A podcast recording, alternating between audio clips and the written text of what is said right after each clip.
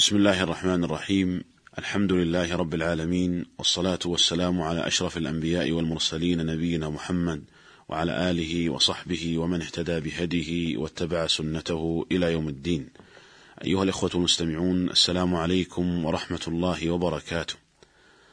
لا يزال الحديث موصولا عن نواقض الوضوء فنقول مما اختلف في كونه ناقضا للوضوء تغسيل الميت. فمن العلماء من اعتبره ناقضا للوضوء كما هو الصحيح من مذهب الحنابلة وهو من مفردات المذهب. وذهب جمهور العلماء من الحنفية والمالكية والشافعية وهو رواية عند الحنابلة إلى أن تغسيل الميت لا ينقض الوضوء.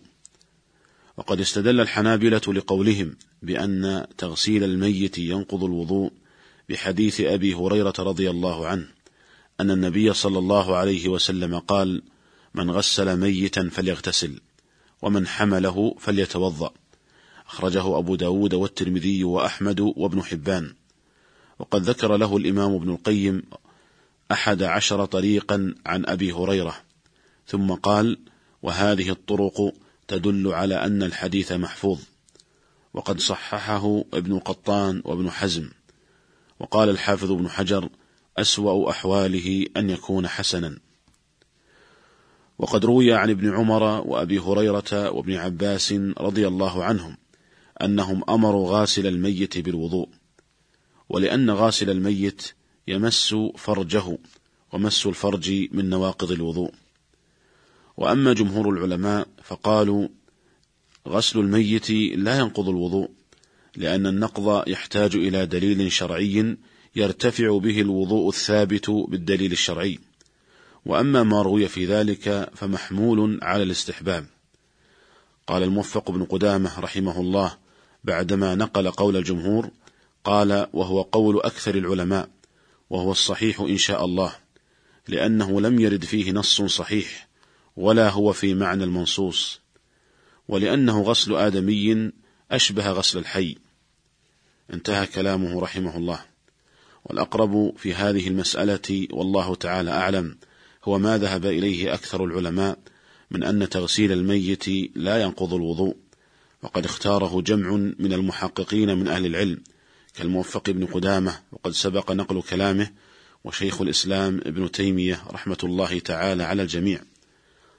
وأما ما استدل به القائلون بأن تغسيل الميت ينقض الوضوء من حديث أبي هريرة رضي الله عنه أن النبي صلى الله عليه وسلم قال من غسل ميتا فليغتسل ومن حمله فليتوضأ.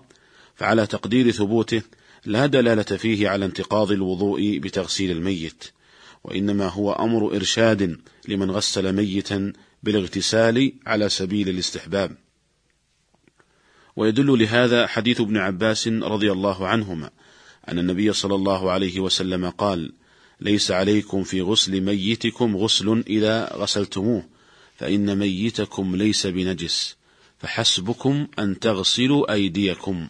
أخرجه البيهقي والحاكم وقال صحيح على شرط البخاري ووافقه الذهبي وحسنه الحافظ ابن حجر رحمة الله تعالى على الجميع.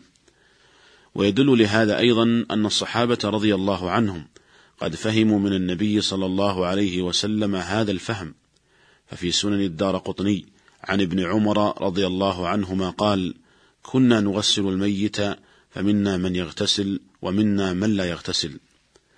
ويؤيد هذا أيضا أن الأمر في هذا الحديث إنما هو بالاغتسال وليس بالوضوء حتى يقال إن تغسيل الميت ينقض الوضوء.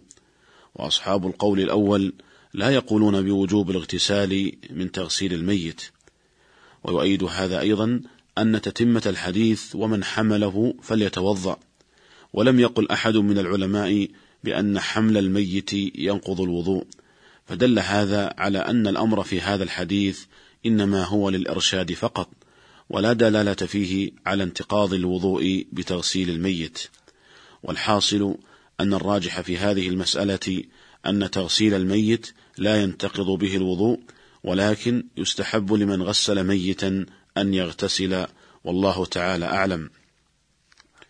أيها الإخوة المستمعون، وبعد أن تكلمنا في هذه الحلقة والحلقات السابقة عن نواقض الوضوء، ننتقل للكلام عمن ينتقل وضوءه بصفة مستمرة وهو من يعبر عنه الفقهاء بمن حدثه دائم كالمستحاضة, كالمستحاضة ومن لا يمكنه حفظ طهارته لاستمرار الحدث كمن به سلس بول أو تخرج منه الريح أو المذي بصفة مستمرة أو شبه مستمرة.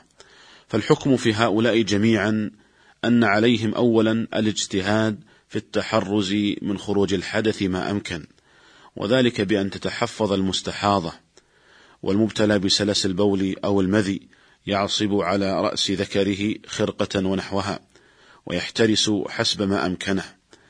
ويجب على كل واحد من هؤلاء أن يتوضأ لوقت كل صلاة إلا ألا يخرج منه شيء. فإن لم يخرج منه شيء بقي على وضوئه الأول. أما إن خرج منه شيء أو لم يدري هل خرج منه شيء أو لم يخرج فإنه يتوضأ لوقت كل صلاة. لقول النبي صلى الله عليه وسلم لفاطمة بنت أبي حبيش وكانت تستحاض فلا تطهر قال قال لها عليه الصلاة والسلام توضئي لكل صلاة. أخرجه الترمذي وغيره بسند صحيح.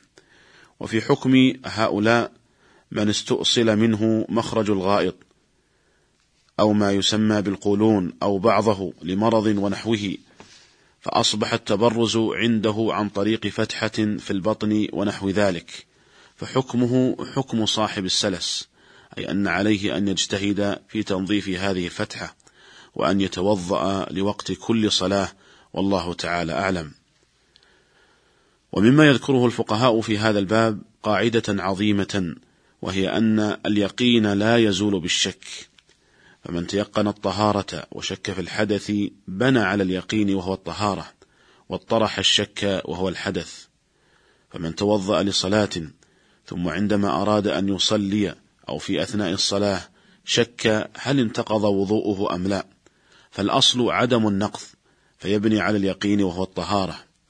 ويدل لهذا حديث عبد الله بن زيد رضي الله عنه أن النبي صلى الله عليه وسلم شكي إليه الرجل يخيل إليه أنه يجد الشيء في الصلاة. فقال صلى الله عليه وسلم لا ينصرف حتى يسمع صوتا أو يجد ريحا. متفق عليه. وفي صحيح مسلم عن أبي هريرة رضي الله عنه قال قال رسول الله صلى الله عليه وسلم إذا وجد أحدكم في بطنه شيئا فأشكل عليه أخرج منه شيء أم لا؟ فلا يخرجن من المسجد حتى يسمع صوتا أو يجد ريحا. وقوله عليه الصلاة والسلام حتى يسمع صوتا أو يجد ريحا المعنى حتى يتيقن أنه خرج منه شيء إما بسماع صوت أو شم رائحة أو بغير ذلك. قال العلماء إذا تيقن الطهارة فلا يلتفت للشك حتى ولو غلب على ظنه أنه خرج منه شيء. فما دام أنه لم يصل إلى درجة اليقين في أنه خرج منه شيء فلا يقطع صلاته. ويدل لهذا أن النبي صلى الله عليه وسلم قال إذا وجد أحدكم في بطنه شيئا فأشكل عليه أخرج منه شيء أم لا؟ فهذا الشك ناشئ عن قرينة وهي ما وجد في بطنه من القرقرة والانتفاخ ونحو ذلك ولهذا قال فأشكل عليه. ومع ذلك أمر النبي صلى الله عليه وسلم بعدم الالتفات لهذا كله ما لم يتيقن خروج الحدث بسماع صوت أو شم رائحة أو بغير ذلك. قال الموفق بن قدام رحمه الله إذا إذا شك تعارض عنده الأمران فيجب سقوطهما كالبينتين إذا تعارضتا ويرجع إلى اليقين ولا فرق بين أن يغلب على ظنه أحدهما أو يتساوى الأمران.